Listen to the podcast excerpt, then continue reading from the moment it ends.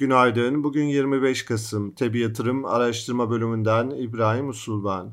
Yurt dışı borsalarda dün pozitif kapanışlar oldu. ABD Merkez Bankası Fed'in faiz artış hızında yavaşlama beklentilerinin endeksleri olumlu etkilediğini gördük.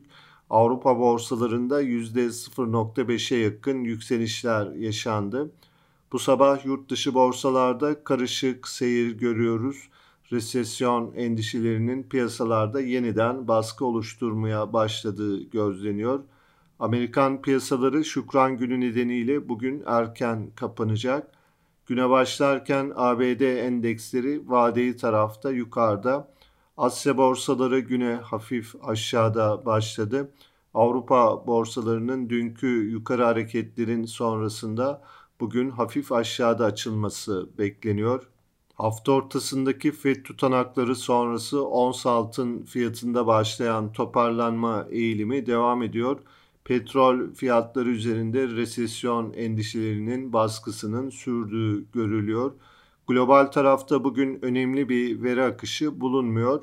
Borsa İstanbul tarafında ise yükselen trendin korunduğunu takip ediyoruz. Gün içinde realizasyon amaçlı satışlar etkili olsa da BIST endeksinde dün TL bazlı yeni bir tarihi zirve kapanışı yaşandı. BIST endeksinde günlük bazda dirençlerimiz 5000 ve 5150 seviyelerinde.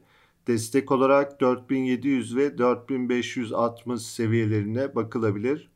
Hisse tarafında endekste yükselen hareket içinde teknik olarak Aselsan, Garanti Bankası, Pegasus, Şişecam, Tav Havalimanları, Türk Hava Yolları hisselerini olumlu tarafta izlemeye devam ediyoruz. Piyasaları değerlendirmeye devam edeceğiz. Teb yatırım olarak herkese iyi bir gün dileriz.